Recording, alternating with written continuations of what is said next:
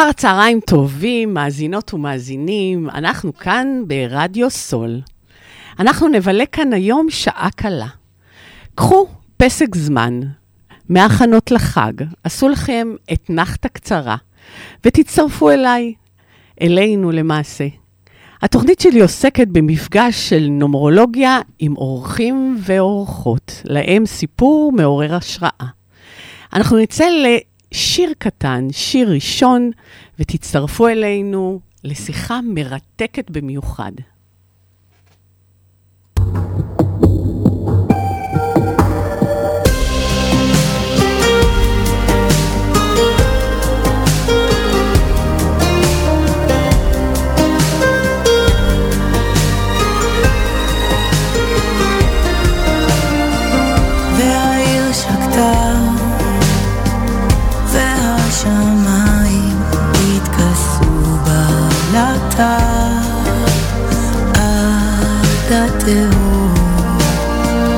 זו כמעט הייתה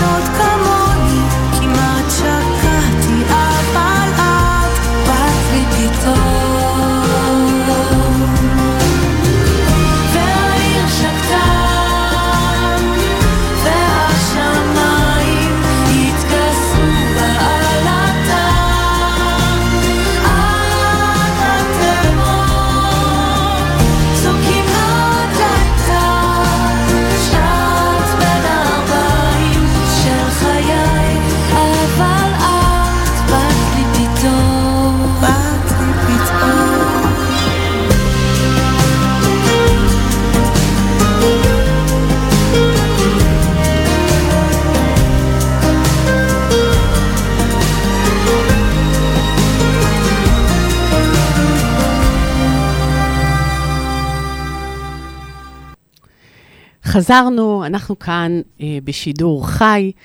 איתי כאן נמצאת רחי ורטהיימר. רחי, שלום ואחר הצהריים טובים לך. שלום, שלום. אפילו אמרת שם נכון. אפילו אמרתי נכון.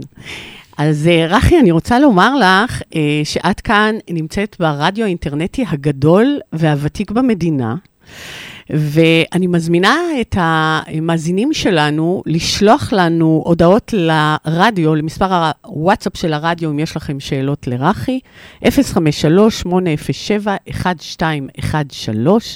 אני נעמי חייקה, אני נומרולוגית, מאמנת אישית ומומחית לגיל השלישי, מטעם מכון אדלר, מרצה ועורכת סדנאות, בעלת קליניקה פרטית. אה, אם יש לכם שאלות, אתם מוזמנים גם אה, לשלוח לטלפון שלי, או אה, בוואטסאפ, או בפייסבוק. אז אחר צהריים טובים שוב, רחי, ואני רוצה להציג אותך למאזינים שלי שלא מכירים אותך, ומי שמכיר אותך, יכיר אותך עוד יותר טוב היום.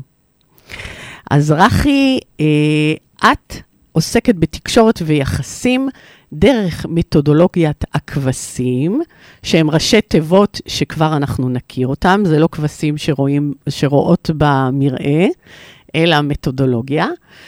Uh, בעברך כיהן, כיהנת כסמנכ"ל משאבי אנוש של חברת פלאפון, יועצת ארגונית ומאמנת אישית, וכתבת את הספר לראות את הכבשים. תציגי אותו, את הספר היפה עם הכבשה שעומדת שם. תכף כבר נד, נדבר, ארבעה כבשים. ארבעה כבשים. אז כבר כבר נדבר על הספר, וגם על המשחקים ועל הקלפים שהבאת, אבל זה בהמשך. יש משהו שהחמצתי, רחי? בטח הרבה, אבל בטח זה לא הרבה. כל כך חשוב. אוקיי. אז אנחנו נפתח את השיחה ככה קצת אה, בנימה אישית, כמה מילים, היכן נולדת, אה, ולמה נקראת רחי. ורק תדברי למיקרופון. אוקיי, אה, נולדתי בחיפה, אה, להורים שלהם חמישה ילדים. אנחנו בסוף התאומות. אה, נקראתי רחי על שם, אימא שלי חלמה חלום בלילה על שתי הסבתות, אז החליטה לקרוא, אם יהיו שתיים, היא חלמה גם שיש שתיים בעקבות שתי הסבתות. רק אז לא ידעו, והיא הלכה לרופא וביקשה שהוא יבדוק אם יש באמת שניים, כי אם זה שני בנים היא לא רוצה, אבל אם זה שתי בנות היא מוכנה. אבל אז לא היו, כי כבר היו לה בנים. Uh, מכל מקום, בחודש השמיני הוא אמר לשכן יש שתיים, ואז היא החליטה לקרוא בעקבות החלום שחלמה על שם שתי הסבתות. לסבתות קראו רחל ונחמה. אבל ביום שנולדנו קראו לנו רחי ונימי. Mm, זהו, אבל אנחנו רשומות רחל ונחמה. אחותי החליפה את הנחמה לנימי, אני לא החלפתי, אבל היא קוראים רחי. הסבתות היו אה, חיות אה, כשהיא חלמה אותן? לא, לא, הם שתיהן נפטרו. זה, כמו שאני זוכרת, אם אני זוכרת נכון, זה אימא של אימא שלי זאת רחל, ואימא של הסבתא רחל זאת נחמה. והיא אוקיי. הכירה כמובן אה, גם את הסבתא, היא חלמה עליהם חלום בלילה, והיא החליטה שזהו, יש לה שתיים. אוקיי, אז זה, זה סיפור מדהים, שרק אה, אה, אה, מסמל את מה שדיברנו לפני השידור, אבל אתם לא, לא, אתם לא יודעים מה דיברנו לפני השידור, וגם לא תדעו הפעם. אולי בפעם הבאה שאני אזמין את רחי, אז תדעו. אה, אבל רחי, אני אספר לך, כך בקצרה, לפני שאנחנו ניגע בעיסוק שלך, אה, מה השם שלך אומר, ואת גם תאמרי לי בהמשך, האם רחי מתקשר לכבשים שאת כתבת, כי רחי וכבשה, נכון? לא, אני... כשיצא הכבש- הכבשה... הכבשה, זה רחל, כבשה כן, ורחל. בדיוק, אבל אני לא בחרתי את ראשי התיבות בעקבות השם שלי. זה היה במקרה, זה היה על הלוח, ומישהו, באחת הסדנאות, אחד המנהלים דתי, בחור דתי, אמר לי, תגידי, רחי זה מרחל? תראי, רשום לך פה כבשה, אני אפילו לא התכוונתי כן. שזה יהיה כבשה. כן, כתבתי את המילים, ואז הייתה לי צמרמורת, ואמרתי, זהו. וואו. מעכשיו זה כבשים. כן. אז, אז אני רק אומר למ- למאזינים שרחל וכבשה אחד הם, נכון. ואת בחרת את השם הכבשים בלי לדעת אפילו שזה ואת מסמל. יודעת, אני חייבת להגיד לך, ובאמת בספר, אני כותבת פה שתי שורות, אני חייבת להקריא לך. ספר זה מוקדש באהבה ובהוקרה רבה להוריי, שאינם כבר, כן. השם רחי, רחל, שניתן לי על ידי הוריי, פירושו על פי המילון העברי כבשה, ואולי אין זה מקרה, מקרי כלל, שהרי רחל אימנו הייתה גם רועת צאן. נכון, וואו. אז אין מקרה, אצלנו אומרים מקרה. שאין מקרה, אם יש, אז השם רקם, או מי שיושב למעלה, רוקם. אז באמת אה, רחל זו כבשה, ורחל הייתה רועת צאן, אה, והיא דמות אה, מקראית. אשתו של יעקב אבינו, בתו של לבן הארמי, אחותה של לאה אימנו, ואחת מארבעה אמהות. אה, ברחל, בנומרולוגיה, הם אנשים אה, דווקא ביתיים, מאוזנים ויציבים, המחוברים לאדמה ולקרקע. זה מה שרחל. ריאליים, מעשיים, בעלי מוסר עבודה גבוה. אה, והרחי שלה, שאת, האמת היא שזה נכון. שזה, שזה, יש, נכון. יש אנרגיה, אולי רק ה... אה, מה? על האדמה, למשל, אני לא אוהבת לגור אה, בקומת קרקע. את לא אוהבת, לא. לא, אז זה, אז זה לא דווקא, אה. לא האדמה שאני מדברת עליה. והאינטואיציה, יש לך אינטואיציה אה, גבוהה ברחי, צורך בשיתוף פעולה, רגישות אה, ודמיון גם. נכון. גם מה שאמרת על רחל וגם הרב. כי, אני, כי זה שתי שמות שאת, זה האנרגיה שאופפת אותך. אז, אז זה, ממש מדויק. כן, אז עד כאן זה הנומרולוגיה ב, ב, בתוכנית, אבל אה, אני באמת אה, הזמנתי אותך לכאן, לאו דווקא אה, לדבר על נומרולוגיה, אלא באמת על המתודולוגיה שאני אה, נתקלתי בה, ואני חושבת שהיא מאוד מאוד מעניינת, היא תוכל לסייע למאזינים והמאזינות שלנו ללמוד על מערכות יחסים, על זוגיות, ובכלל, על החיים, לתת להם כלים לחיים. אז אנחנו כאן היום אה, לתת כלים ליחסים בין אנשים ובזוגיות. אז בואי נתחיל באמת עם הספר ועם המתודולוגיה המדהימה הזאת שלך, שאת יצרת, והיא מתחברת, כן, נהדרת. אה, היא מתחברת לי גם אה, להרבה דברים, ואני רוצה לשאול אותך, אה, על איזה כבשים את מדברת ואיך זה קשור למערכות יחסים. השאלה. השאלה ישר, ככה, אז אם אנחנו מדברות על יחסים, קר לי פה. קר. אז אני סוגרת כבר את ה... כן. כדי אוקיי. שיהיו לנו יחסים טובים. נכון. שתפשירי וש... בדיוק. אוקיי, אז איך באמת זה נוצר? אני הרבה שנים חקרתי את כל נושא היחסים כמנהלת משאבי אנוש בהרבה מאוד ארגונים. האחרון באמת היה בפלאפון. אה, הסתכלתי, וכמנהלת, אז אנשים באים לדבר איתך. אני לא יכולה לעבוד עם המנהל הזה, הוא לא סופר אותי ממטר, הוא לא רואה אותי, אני רוצה להחליף מקום, אני לא חלק מהצוות הזה. התחלתי לשמוע שאנשים מדברים את אותו הדבר. ופתאום הבחנתי, רשמתי את כל המשפטים שחוזרים, כמו אני לא חשוב, אני לא משמעותי, אני לא נחוץ, אה, אני לא חלק, אין לי סיכוי להצליח פה, אני לא מתקדם. וככה, אני הבנתי שזה לא אמת. בתור מנהלת משאבי אנוש, אני יודעת מה חושבים עליהם, אני יודעת מה אומרים עליהם. זה הכל פרשנויות.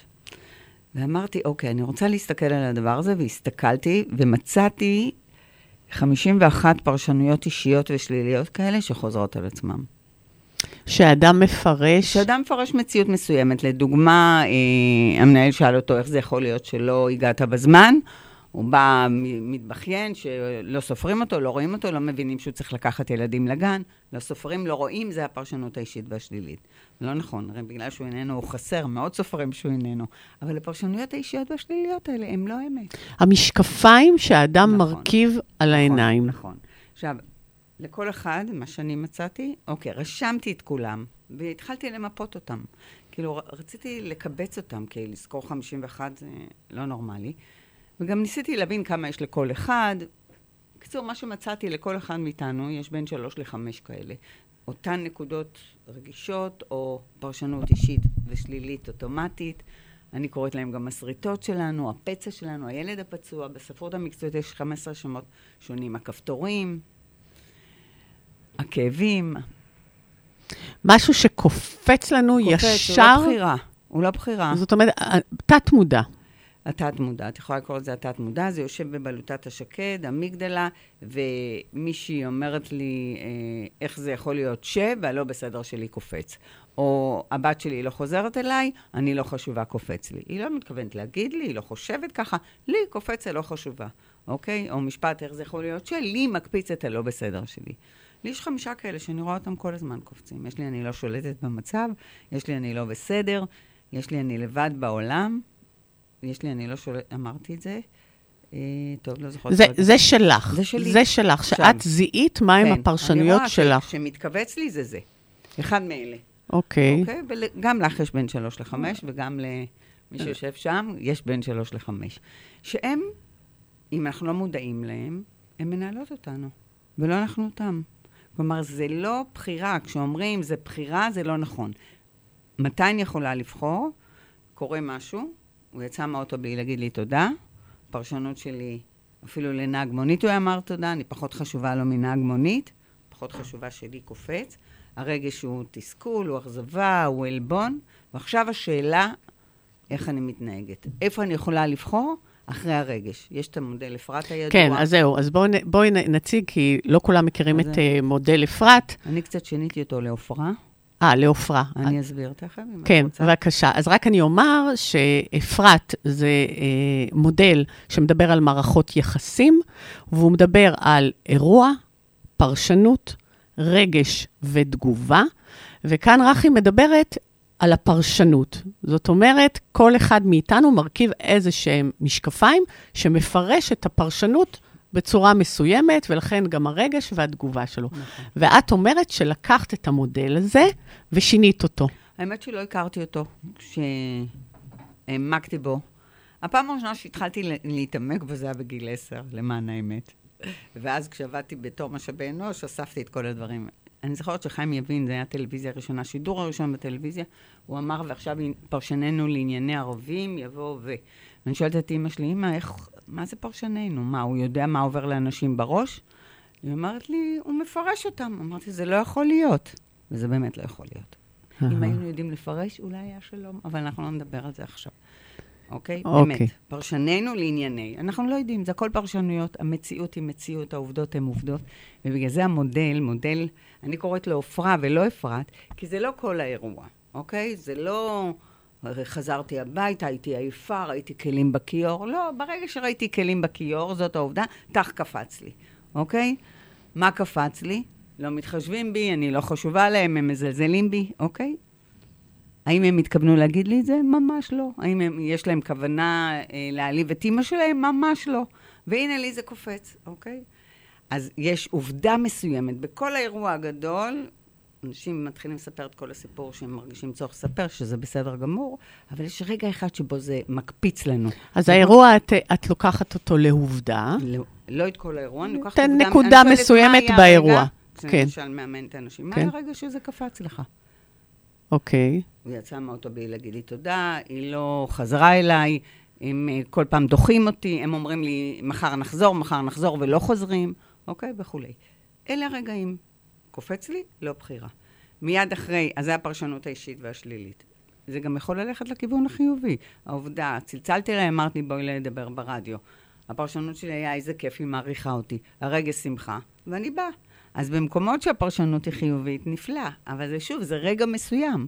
לא צריכה לספר סיפור עכשיו שהכרנו כאן או כאן או כאן, לא. יש עובדה, שזה צריך לה- להבחין בין העובדה לפרשנות. אחד הכלים הכי משמעותיים, אם את שואלת אותי, זה באמת להבחין בין העובדה לפרשנות. כי אנשים לוקחים הכל אישית ושלילית. מה שהם לא מבינים, לא, לא כל הזמן, כן? כשאנחנו נפגעים ונעלבים.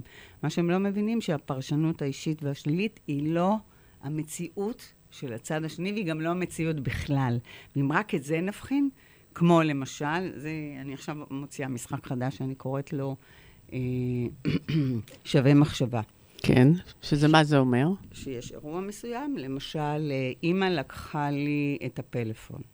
פרשנות, לדוגמה, פרשנות אחת, היא לא אוהבת אותי, פרשנות שנייה, היא רוצה שיהיה לי פחות זמן מסכים. אוקיי? מה העובדה? שהיא לקחה לי את הפלאפון. אני מאמנת את הילדים או את הנוער לחשוב לא אישית ושלילית. כי הסיכוי שמישהו רוצה לפגוע בנו שואף לאפס.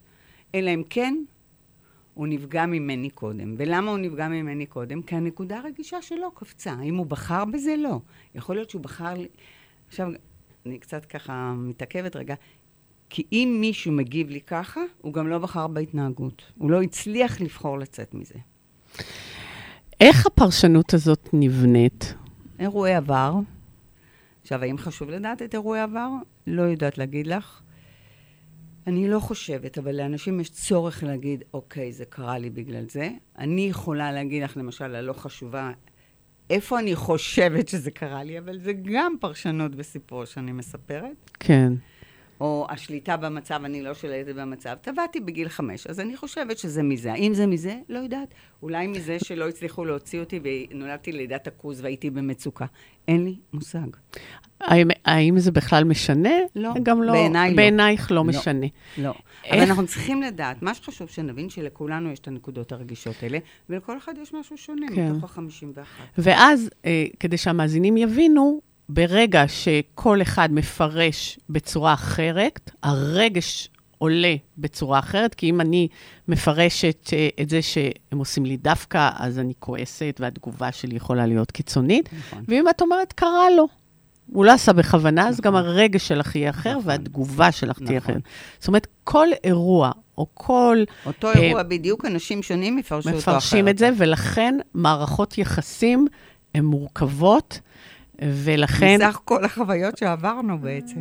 זה, זה בטוח. כן, זה לא יאומן הדבר הזה, באמת. אז איך אדם יכול לזהות מה מנהל אותו, את? הנקודות הרגישות? אנחנו מדברים על באמת הנקודות שמקפיצות אותנו. זאת אומרת, מה שמקפיץ אותי, זה לא מה שמקפיץ את האחד שלי שיושב שם בחוץ ומאזין לנו, נכון? כל אחד מקפיץ אותו משהו אחר. נכון. איך אנחנו יכולים לזהות? אז תכף אני אלמד את הכלי. אבל יש לי... לי יש לך כלי. כן, אני גם מלמדת מאמנים ומטפלים, ויש לנו 20 כלים שונים. יש לי שותפה גם, קרן, שהצטרפה אליי, הייתה משנה למנכ"ל של איזושהי חברה שליוויתי, והיום היא איתי כבר חמש שנים, ואנחנו עושות יחד קורסים למאמנים ולמטפלים ולפסיכולוגים ולפסיכותרפיסטים, ואחד הכלים זה באמת איך למצוא ובמהירות את הנקודות הרגישות שלנו.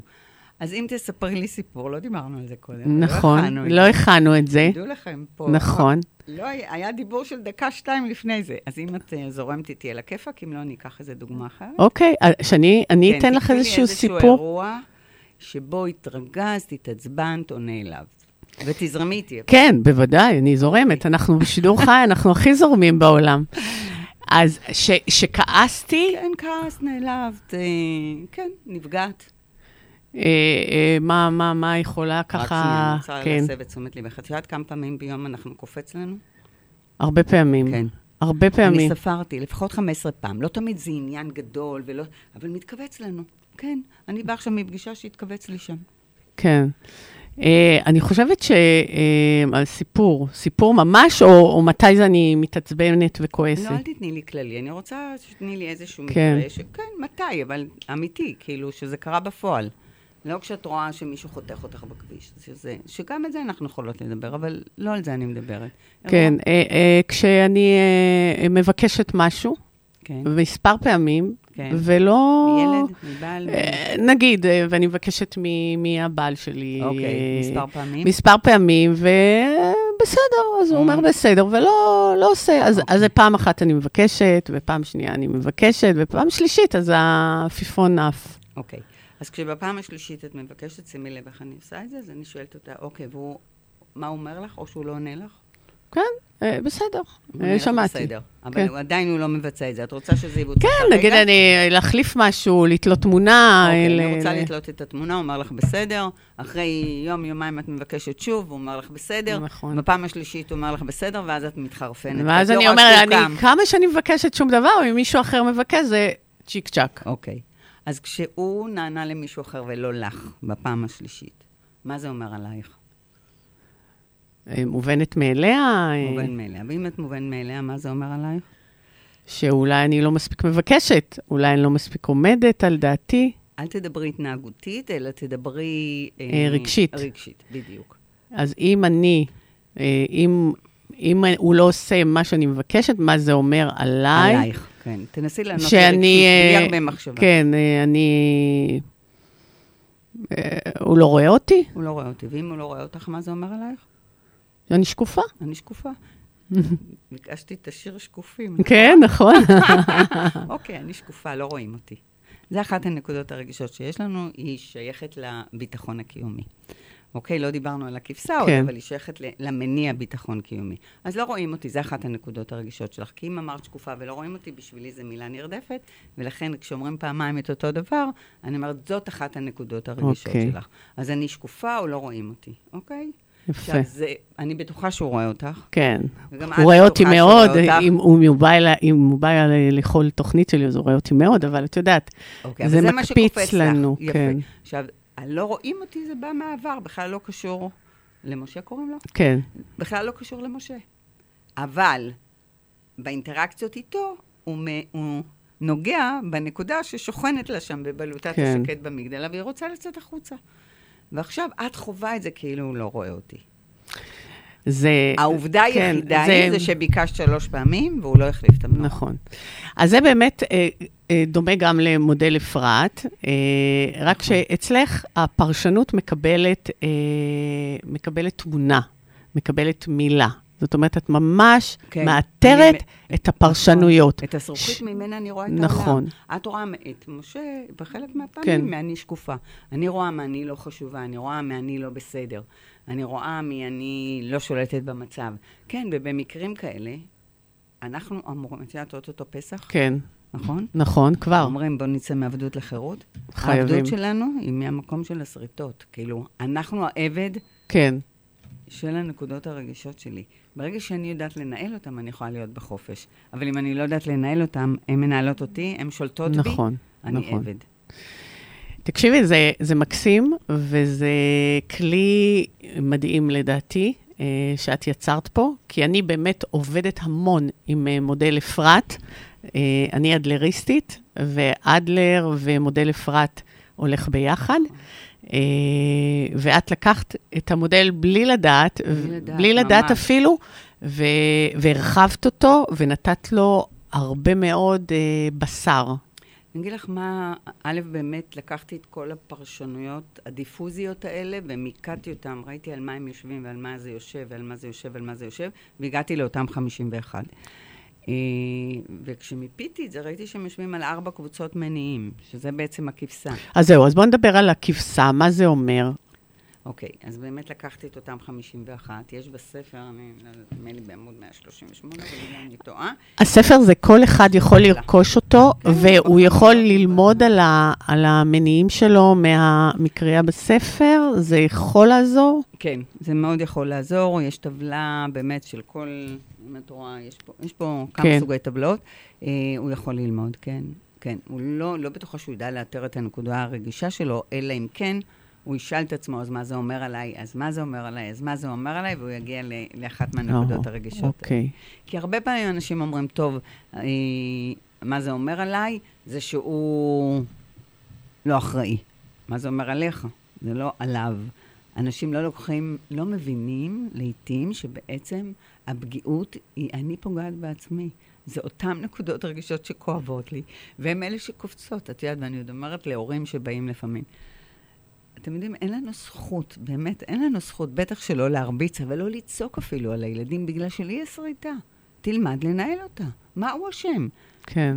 ולכן כולנו שרוטים, כי אף אחד מאיתנו אני... לא היה מספיק מודע בשביל לנהל כל הזמן את הנקודה. זה גם קשה, תשמעי, גם לי כן, קופץ. כן. אני לא אפילו קפיצות. שאת מודעת לזה, זה קופץ אצלך. יכול להיות שאחר כך את תירגעי ותגידי, תקשיבי, קופץ לך הנקודה הרגישה, השקיפות, או לא משנה מה, אבל אותו רגע זה ממשיך לקפוץ. האם זה קופץ לי כמו שלפני שהתעמקתי בשיטה, קופץ לי הרבה פחות? הרבה כי יש פחות. לי כלים, מעבר לזה שאני מאתרת אותם, יש לי כלים לא מעטים. אחד מהם זה, אני קוראת לזה לשים פלסטר.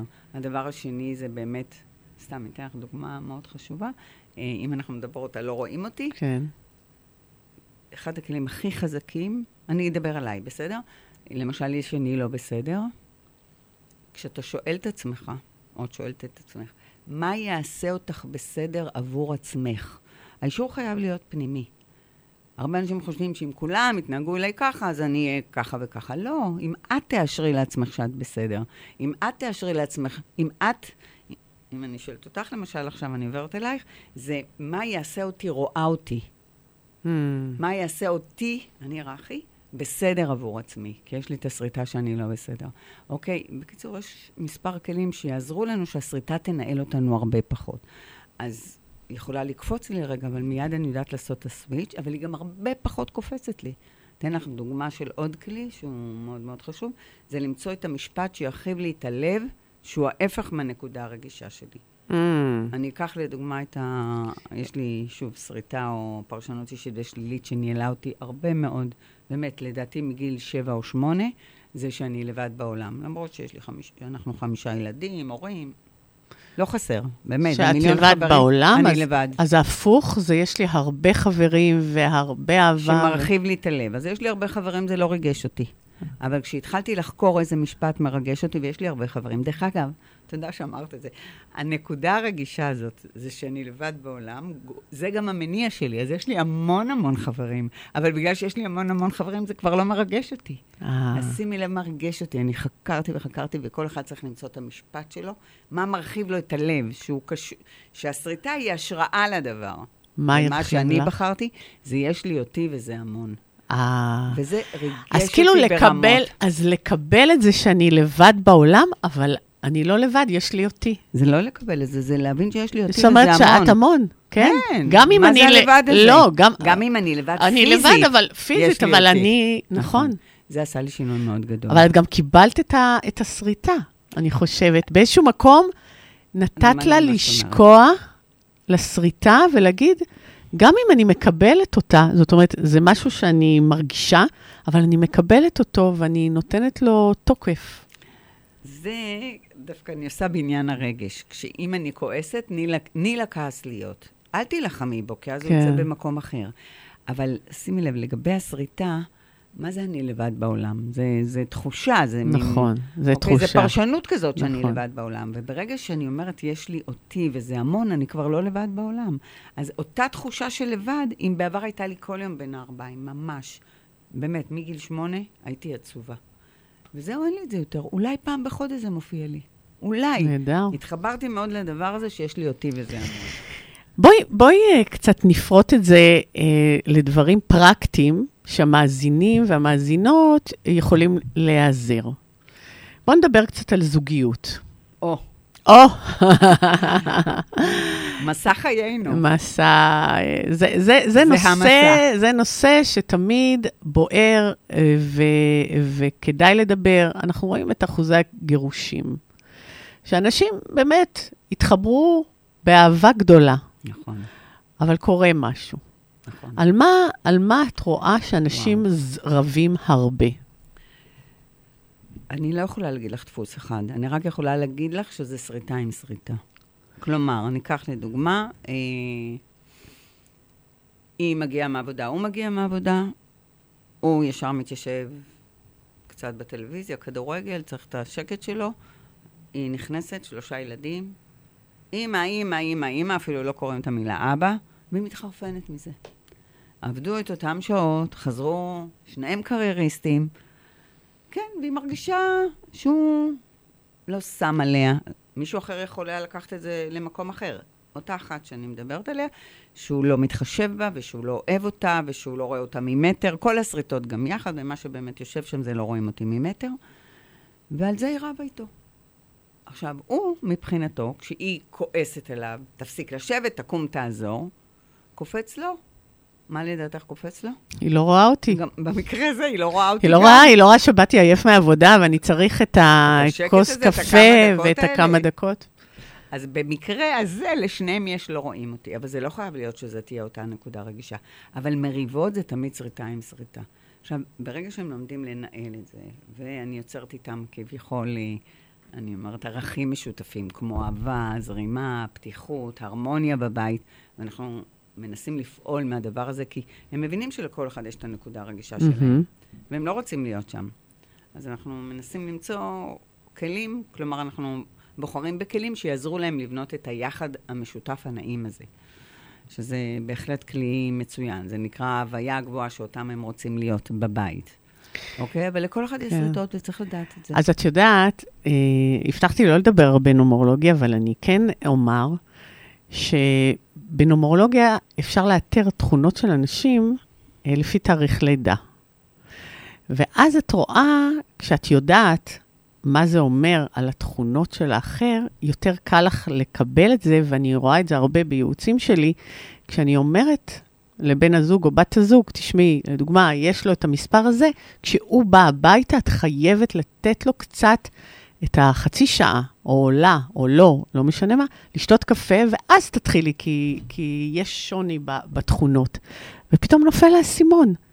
וואו, הוא באמת כזה, או היא באמת כזאת, היא צריכה את החופש שלה, אז היא צריכה ללכת ל- ל- לספורט, והיא חייבת ללכת לספורט, והבעל כועס, אומר, מה עכשיו ספורט? עכשיו הבית על גלגלים, אבל היא צריכה ללכת לפילאטיס, כי זה... אז יש את הדברים האלה שמנהלים אותנו, ואם אנחנו מבינים אחד את השני, ואנחנו מבינים מה מנהל אותנו, ולא משנה איך אנחנו מגיעים, דרך הכבשה או דרך כל כלי אחר, אז באמת המערכת היחסים. נכון, והחשוב ביותר זה באמת אה, להגיע להסכמות. לי חשוב לשתות קפה כשאני מגיעה. לך חשוב ללכת לעשות את הפילאטיס, אוקיי, בואי נראה איך אנחנו עושים את זה. ולא לריב על זה, אלא לאפשר אחד לשני להיות באמת בחופש. כן, לא כן. עכשיו רק שהסריטה שלי מנהלת את הסריטה, ש- כאילו שאני רבה איתך בגלל הסריטה שלי ואת רבה איתי. כן. לא, אנחנו רוצים ללכת אחד לקראת השני. ופה זה צריך שיח מכבד ושיח אה, מקבל, כאילו, זה עבודה. זו עבודה. כן. מערכות יחסים זו עבודה, וזוגיות זה עבודה בתוך עבודה, נכון? כן, אני רוצה רגע להגיד יותר מזה, כי הסריטות שלנו הן אוטומטיות, ולבקש בקשה ולהגיע להסכמות, זה מהמוח החושב. זה בא מהמרכז הרגשי וההישרדותי שלנו. והם הרבה יותר מהירים ואוטומטיים, כי הם באו לשמור עלינו בעבר, אוקיי? ולכן הם חזקים כל כך. ולכן אנחנו צריכים לעשות עבודה מאוד חזקה, או להתאמן, או לעשות פעולות כדי לעשות חיבוטים חדשים במוח. ולכן המרכז החושב והמודע, אנחנו צריכים ללמוד להפעיל אותו, כדי שהנקודות הרגישות האלה לא יפעלו בזוגיות. עכשיו, אנשים אומרים, טוב, אז אני הולך וזהו. במקום בעצם, ואז הם פוגשים מישהו אחר, והשריטות אז- אחרות, אז- או אותן שריטות עולות להם. אז, זה- אז זאת הבעיה, כי חושבים שייפרדו, ואז ימצאו נכון. מישהו אחר שזה יהיה זה טוב אחרת. לארבעה חודשים בשלב ההתאהבות. כן. יש שלב שהוא, הראשון שהוא שלב ההתאהבות, שאז השריטות לא מנהלות אותנו, זה רק יפות נפש ורק, רק האהבה אהבה. וההידרופינים. נכון, ואחר כך אה, מגיעות השריטות. אה, אני מסכימה לגמרי. בואו נדבר על בחירה, בחירה. בחירה אוקיי. בחיים, בחירות בחיים, אוקיי? כן. אה, באדלר, אה, אדלר אומר שהמערכות היחסים ועקרון הבחירה אה, זה דבר מאוד מאוד משמעותי. אה, אדם יכול לברוא את הבחירה שלו, והוא בוחר תמיד לעבר שייכות. זאת אומרת, כל בחירה שאנחנו עושים בחיים זה על מנת להרגיש שייכים, כדי שיראו אותנו, כדי שיראו מי אנחנו. אה, וזו התפיסה והגישה של אדלר. מה את אומרת על זה, ואיך אה, אצלך עניין הבחירות? אוקיי, קודם כל אני רוצה לדבר על השייכות. באמת אחד המניעים שנמצאים אצלי בכבשה, כבוד, כף. כף ביטחון כבוד. קיומי זה הבט, כן, שין זה שייכות, שייכות. והי זה הצלחה. אוקיי. אוקיי? זאת אומרת, המנ- זה הארבע הבסיסים. זה ארבע המניעים שבעצם, אם אני מסתכלת, השייכות והביטחון הקיומי יושבים בהישרדותי, הכבוד וההצלחה יושבים ברגשי, כן, ובמוח החושב יושבים כל המניעים האלה, אבל בצורה מחוזקת. כן, כלומר, אני יודעת שאני חשובה ומכבדים אותי ואני נחוצה, זה, זה המקום המחוזק שלנו, והמודע זה המקום הערכי שבנו. כשאדלר אמר שהכל יושב על השייכות, אני חושבת שמתחת לשייכות יש את הביטחון הקיומי. כי אם אני אשאל אותך לדוגמה, אז מה יקרה אם את לא שייכת ואת לא חלק? מה תעני לי? זה, זה, זה כואב לי, זה, זה, זה, זה בלתי אפשרי. זה בלתי אפשרי. את ענית גם קודם, לא רואים אותי. לא רואים אותי זה לא שייכות, לא רואים אותי זה כאילו אני לא קיימת. זה הביטחון הקיומי, זה מתחת לשייכות. אני יודעת שאדלר אמר שהכל הכל הכל בסוף יושב על השייכות, ואני אומרת שמתחת לשייכות יש את הביטחון הקיומי, כאילו אני לא כשאת קיימת. מדברת על ביטחון קיומי, תפרטי למה את מתכוונת. מה זה אוקיי, ביטחון לא קיומי קיימת. אצלך? אני, אוקיי. בטבלאות שלי יש מצד אחד את הנקודות הרגישות ומצד שני את הצרכים. צורך שלא סופק בעבר, הפך לי לסריטה. שהיא קופצת לי היום, את מבינה את האבסורד הלא חשובה שלי? רציתי להיות חשובה, אחותי התאומה וחברה דיברו סוד, ושאלתי אותה, שוב, זה סיפור שאני מספרת, אני לא יודעת אם הוא נכון, גיל חמש, שאלתי אותם מה דיברתם, והם אמרו, החברה אמרה לי, אף פעם לא תדעי. אני זוכרת את עצמי בוכה ונעלבת עמוקות, אוקיי? ואז אני זוכרת שאמרתי, טוב, אז אני לא חשובה להם, אוקיי? המניע היה לדעת מה קורה. מה שקפץ לי שם, מה שהוטמע לי, זה אני לא חשובה, אוקיי? אבל יכול להיות לי גם צורך להיות חשובה. הסריטה שלי היא משהו מהעבר שמופיע לי כרגע, בגלל זה אני אומרת, זה עוד יותר אבסורד, להוציא עלייך עכשיו את הלא חשובה שלי, כן. בגלל משהו שקרה לי בגיל חמש או ארבע, כן. אוקיי? אז זה גם המניע שלנו. אז אם יש לי שריטה שאני לא חשובה, אני אעשה את הכל כדי להיות חשובה. אז הנה, כתבתי, יצרתי. אז בואי, בואי, בואי נסתכל קצת על מה שעשית, ובואי תראי לנו מה, מה הבאת כאן. את הבאת כאן באמת הרבה מאוד אה, חלק, וזה רק חלק נכון? כן. על הספר דיברנו. הספר הזה דיברנו, יש. עוד שני ספרי ילדים, שאחד מהם, אה, אה, הם שניהם בתחום האינטליגנציה הרגשית, אני לא אכנס אליהם, חמודים מאוד. למעלה כתוב להורים, לילדים שאוהבים לשאול ולהורים שרוצים לגדול, כי זה גם לנו כהורים. אפילו אוקיי. שזה ספרי ילדים, קונים את זה ארגונים לעובדים שלהם. אוקיי, ויש פה משחק של לראות את היחסים, שהמטרה, אני לא אפתח אותו כן. עכשיו וכאלה, אבל שהמטרה שלו בעצם זה ללמד... משחק ל, לילדים? זה למבוגרים, למבוגרים. יותר, ולצוותים, למשפחות, ככה, גיל העשרה ומעלה, ללמוד לנקות מצבי אי נחת. מה זה אומר? כלומר, נעלבתי ממך בבית, למשל, או מהבת שלי, או מהבן שלי, או מהבעל שלי, איך אני אומרת את זה בלי שתקפוץ לו הנקודה הרגישה שלו, ונוכל לעשות שיח ולהגיע להסכמה. אחת הבעיות שהגעתי, אחרי שיצרתי את זה, פתאום אמרתי, מה עוד חסר? ומה שהיה חסר זה שאנשים לא מדברים מדויק וכנה, כי הם מפחדים שהשני יקפוץ. ואז יהיה רק ריב, אז עדיף לא לדבר. אתמול הייתה אצלי מישהי בת 75, והיא אומרת שהיא לא מדברת, היא לא אומרת לשני הילדים שלה כל, כל, כלום ממה שהיא מרגישה. והיא מצפה עדיין שהם יעשו. אמרתי לה, "הם- הם לא יודעים את מה שאת חווה. נכון. תדברי איתם, אבל הם ישר יקפצו. אוקיי, אז המשחק הזה מלמד טכניקה בעצם איך, איך לדבר, לדבר. בצורה כזאת שלא יקפוץ הנקודה הרגישה של הצד השני. זה בעצם נותן אירועים. זה גם זה למבוגרים למשפחות, או לא, למשפחות זה עם נמצא כמעט ילדים? בכל הקליניקות שנמצאות בארץ, אוקיי. שמטפלים בילדים. באמת, זה, אני אפילו לא ידעתי שככה זה יצליח. אה, והוא בא ללמד את הילדים, יש אירוע, והילד צריך להגיד מה, איך הוא מפרש את זה, ומה הוא הרגיש, שזה צד אחד של הסיפור, וצד, ומה ששואלים אותו בסוף, ולפי זה הוא זוכה בנקודות או מתקדם גם, ומקבל כבשה, מקבל כן. מתנות כאילו, כן. זה אם הוא מפרש את זה לא אישית ושלילית. כלומר, הוא מהר מאוד לומד כן. שהוא יכול להיות פגוע, אבל, סליחה, שהוא מפרש את זה אישית ושלילית, והוא יכול להיות פגוע, אבל להתנהג, הוא יכול לבחור. את שאלת איפה הבחירות? הם אחרי הרגש. נצא לשיר ונמשיך? טוב. שיר עם שריטות, לא? מה אם לא הילדים שלנו? בדיוק.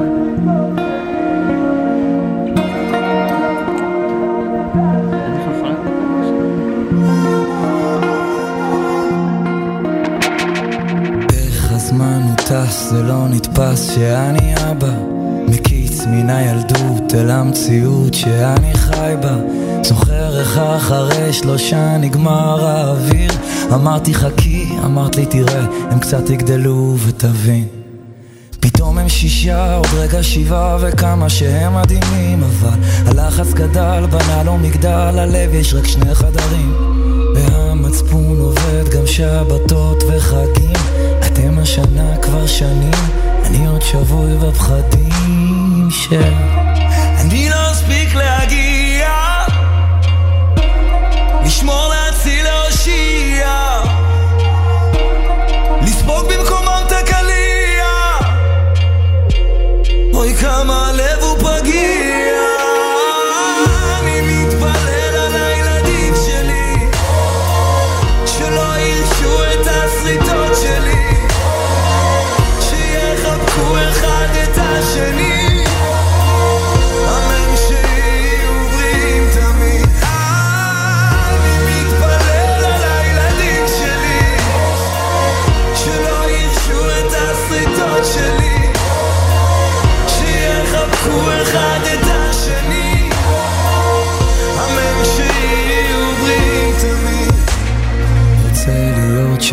בשבילם בדיוק כמו שהבטחתי לשבת בסופו של יום לדעת שהצלחתי. בינתיים סופר ניצחונות קטנים מבסוט שלא ברחתי. לשירותים או למחשב פשוט עצרתי והקשבתי. לסיפורים על ציפורים, למחשבות, לציורים, לחלומות שיום אחד יגשימו. לגיבורים, לנסיכות עם העיניים השותקות, יש ים סודות אם באמת תקשיבו.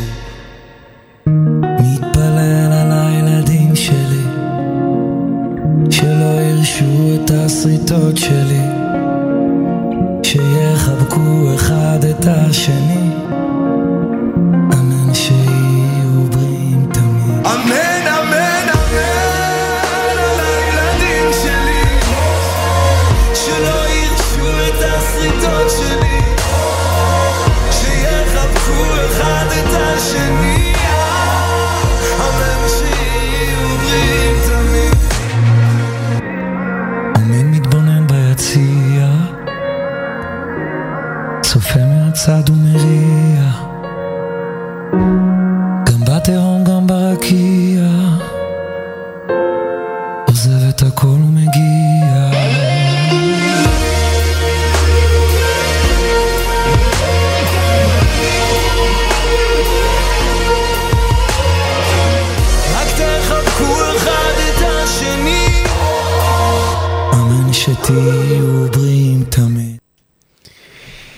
אמן שהם יהיו בריאים.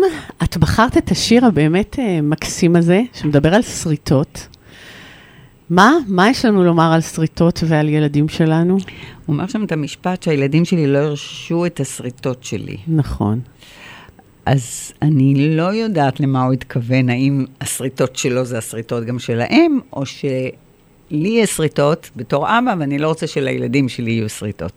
אז אני הולכת דווקא לפרשנות השנייה. אוקיי. שוב, זה פרשנות. נכון, נכון, לא, אולי נביא אותו. אה, כן, נקרא לו כן. לתוכנית הבאה, זה מעניין. אבל אה, הוא באמת מרגש.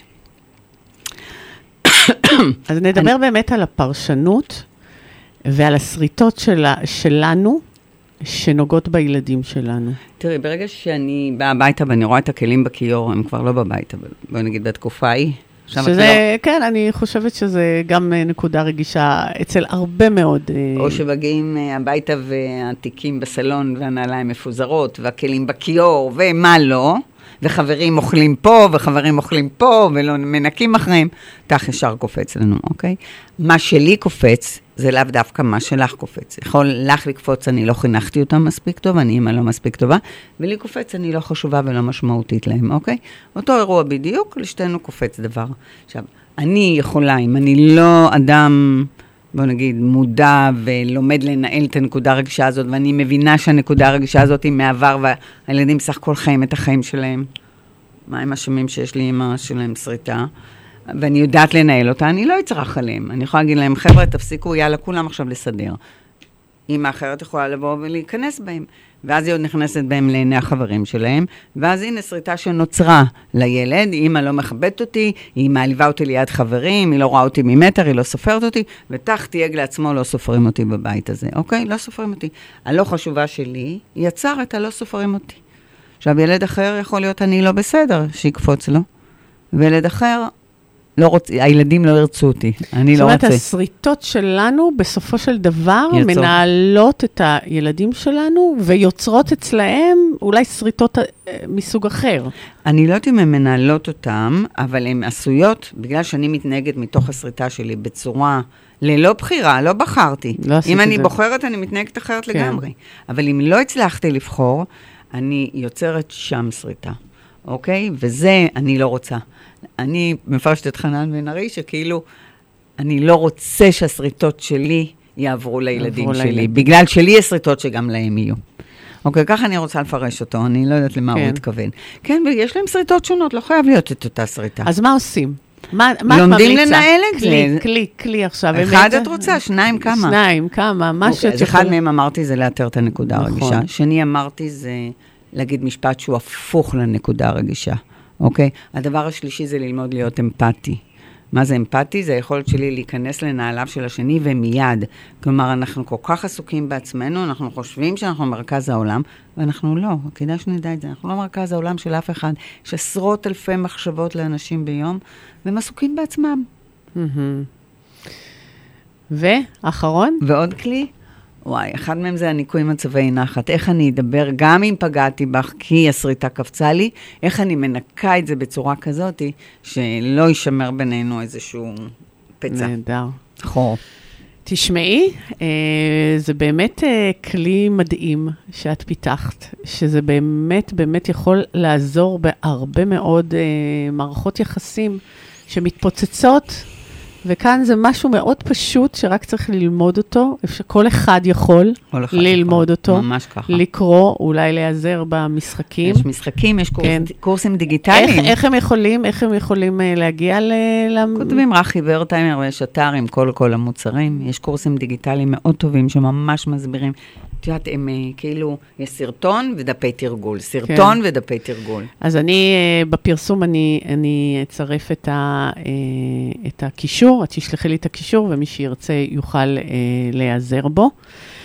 תגידי, רחי, מה החלום שלך? החלום שלי, וואו. קודם כל, אה, שבאמת המתודולוגיה הזאת תגיע לכל אדם. עכשיו אני כותבת אה, ספר מתיאוריה, מתיאוריה לפרקטיקה, שהוא המשך של הספר הזה, ממש עם המון דפי תרגול, שאנשים יוכלו לתרגל כל, כל פרק שיהיה פה, שיוכלו לתרגל אותו. זאת אומרת שהם ממש אפילו לא יצטרכו מאמן אישי, יוכלו לאמן את עצמם. כן, זה עצוב, לא? לא יהיה עבודה למאמנים, לא סתם, הלוואי. אני אומרת שכל אחד, הלוואי וכל אחד נכון, יוכל לעזור נכון, לעצמו. כן, אני- ממש אני- יוכלו לעבוד אני לבד. ממש בעד. גם הקורס הדיגיטלי הוא במקום מאמן. אנשים פונים אליי ל... שאני אאמן אותם, אני אומרת להם, תקשיבו, חבל על הכסף, יש לכם קורס דיגיטלי שעולה לכם שתי פגישות ייעוץ, ואתם לא צריכים אותי, נהדר. אבל uh, הם רוצים אותי. כן, הם רוצים אותך.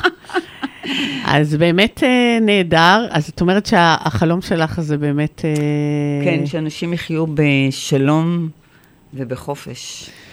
יש עוד משהו שלא עשית ובא לך ככה לעשות, שמשהו שככה עדיין אה, בוער בך לעשות? עכשיו יצרתי שני משחקים חדשים, שוב, כדי שאנשים ידעו חלק מהדבר. אני, אני, באמת, אם את שואלת אותי, זה שכולנו נדבר את הש... לא יודעת אם דווקא את השפה הזאת, כן. אבל שפה של מודעות, שאנחנו מבינים שזה שלנו, ולא השני בא להרגיז אותי, ושיש שלום, די, גם בין אנשים, אני גם חושבת בין שכל זוגות, מה גם בין שקורה ילדים. כאן בעול- ב- במדינה שלנו היום גם, אני לא. רוצה לדבר פוליטיקה, אבל זה בדיוק ככה, נכון. אחד לא רואה את השני. לא רואים, לא לא מקשיבים. מבין מה הנקודה הרגישה נכון. ולאן צריך, עד לאן, עד לאן צריך להגיע. רכי ורטהיימר, נכון. תודה רבה שהקדשת לנו מזמנך והגעת כאן לרדיו סול, אה, באמת אה, אה, ללמד אותנו את התיאוריה המאוד מאוד מיוחדת שלך. תודה על הבמה. מאזינות ומאזינים, כמה אה, אה, מילים לסיום. מחר, מחר נשב כולנו סביב שולחן החג ונחגוג את ליל הסדר. אני מברכת כל אחד ואחת מכם לבדוק חמץ, ניקיון, מה החמץ שיש אצלו, מה הוא חייב, מוכרח וצריך, ושיוציא את זה. תוציאו את זה, תגיעו נקיים אה, לשולחן החג, תמצאו את הבחירה שלכם האמיתית להיות מי שאתם, ולא מה שאתם חושבים שאתם חייבים להיות. תודה לטכנאי השיטור שוקי, שוקי אברהם שמלווה אותנו, תודה לאחד שלי, תודה לרחי שהגיע לכאן, תודה לכם. אה, חג שמח, אני נעמי חייקל, להתראות בתוכנית הבאה, באותו מקום, באותה שעה. חג שמח.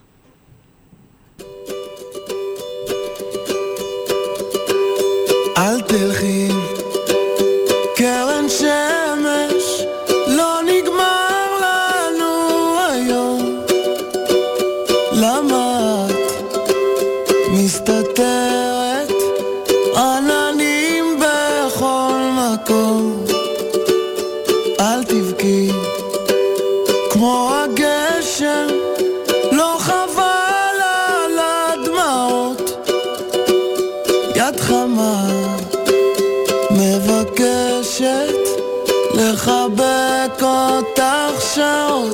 אשים שירים שאת אוהבת. אתן לך יום להירגע. אני נגנב כשאת צוחקת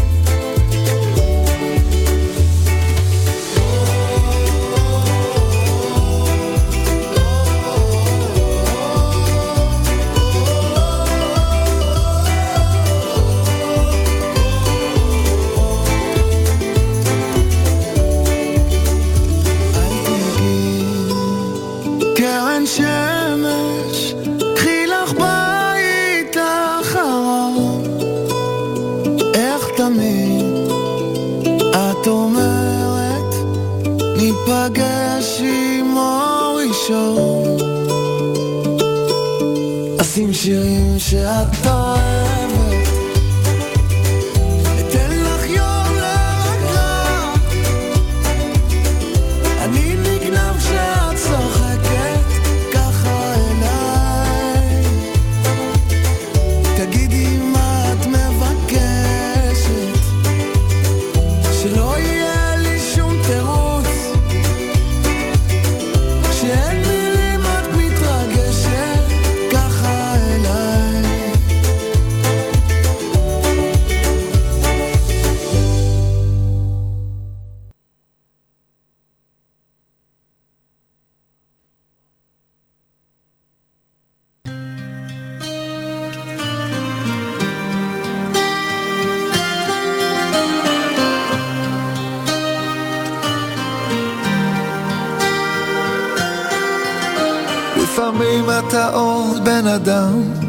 לפעמים אתה מלך של כל העולם.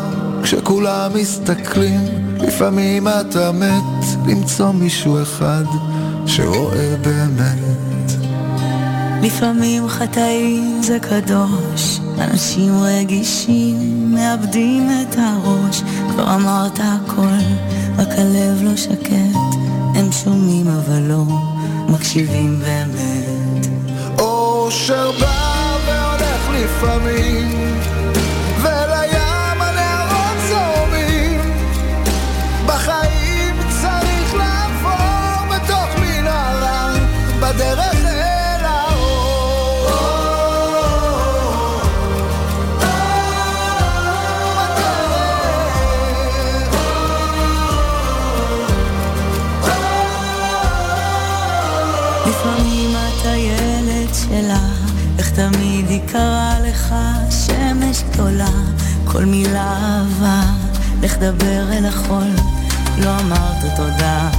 שהיית יכול. לפעמים כשהיה מתקפל, החיים מתגלים, זה מסע מטלטל, היא לשפל גדול, ואחר כך גאות.